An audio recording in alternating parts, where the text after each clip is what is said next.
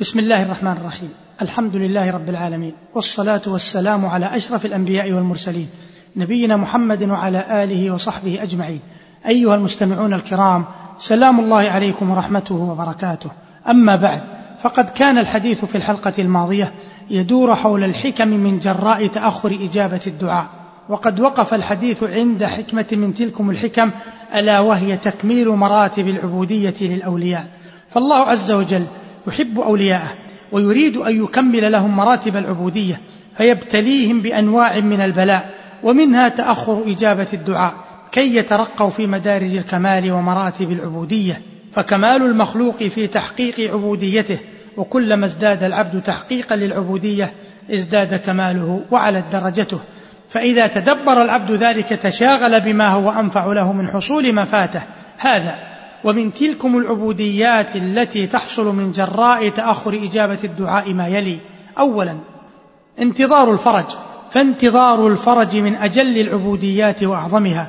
فكلما اشتد انتظار الفرج ازدادت ثقة العبد بربه فيزداد بذلك قربا منه وانسا به عز وجل. ولو عجلت له الإجابة لربما فاتته هذه العبودية.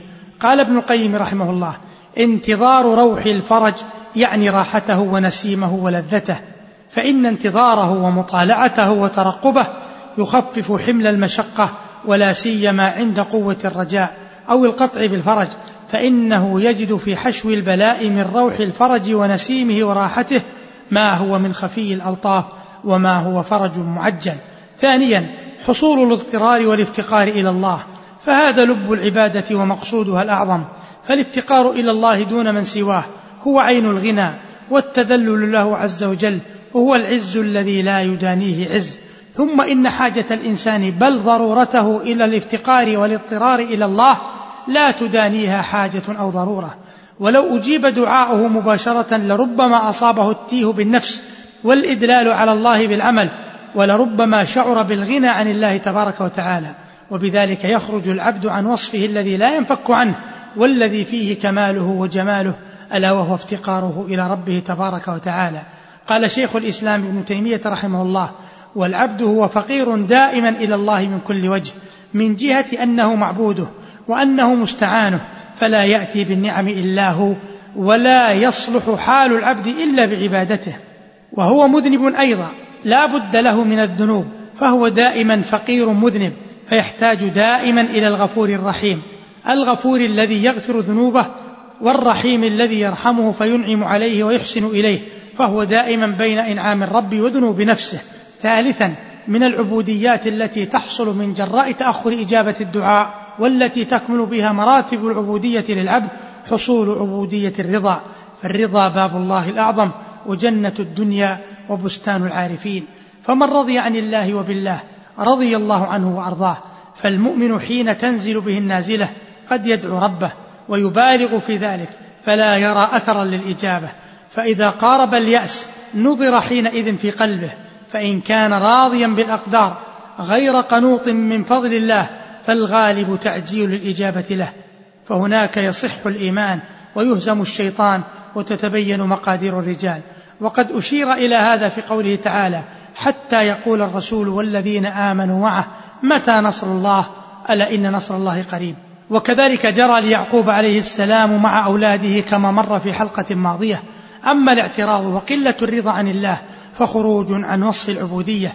قال بعضهم ارض عن الله في جميع ما يفعله بك فإنه ما منعك إلا ليعطيك ولا ابتلاك إلا ليعافيك ولا أمرضك إلا ليشفيك ولا أماتك إلا ليحييك فإياك أن تفارق الرضا عنه طرفة عين فتسقط من عينه. قال ابن ناصر الدين الدمشقي رحمه الله يجري القضاء وفيه الخير نافلة لمؤمن واثق بالله لا لاهي إن جاءه فرح أو نابه ترح في الحالتين يقول الحمد لله.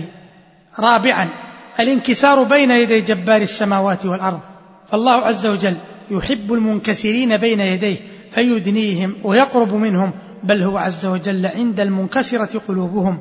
ذكر عن عمران بن موسى القصير قال قال موسى عليه السلام يا رب أين أبغيك?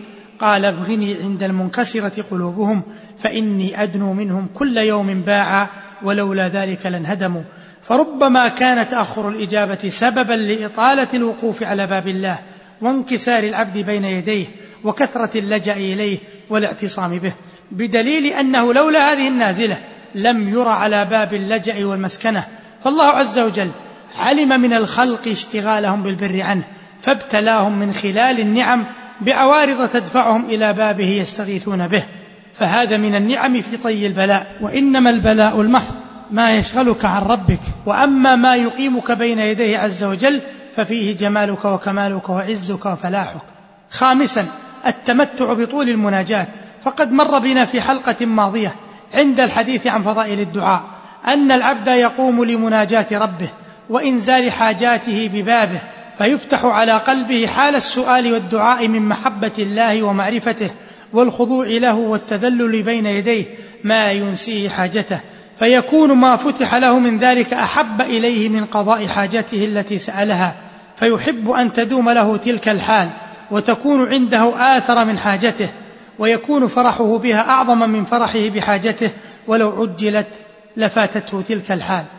وعلى هذا فكلما تأخرت الإجابة طالت المناجاة وحصلت اللذة وزاد القرب ولو عجلت الإجابة لربما فاتته تلك الثمرة. قال سفيان الثوري رحمه الله لقد أنعم الله على عبد في حاجة أكثر من تضرعه إليه فيها. سادسا مجاهدة الشيطان ومراغمته. فالشيطان عدو للإنسان مبين يتربص به الدوائر ويسعى في إضلاله وصده عن صراط الله المستقيم. فإذا صادف منه غرة أصابه من خلالها فالعبد إذا دعا ربه وتأخر وقت الإجابة بدأ الشيطان يجول في خاطره ليسيء ظنه بربه وصار يلقي في روعه ألا فائدة من دعائه.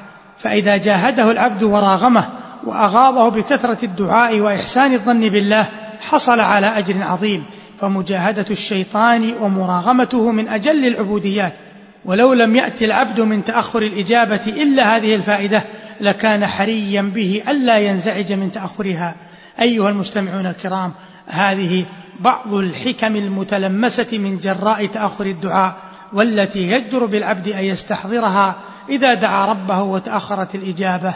وإلى هنا ينتهي وقت هذه الحلقة.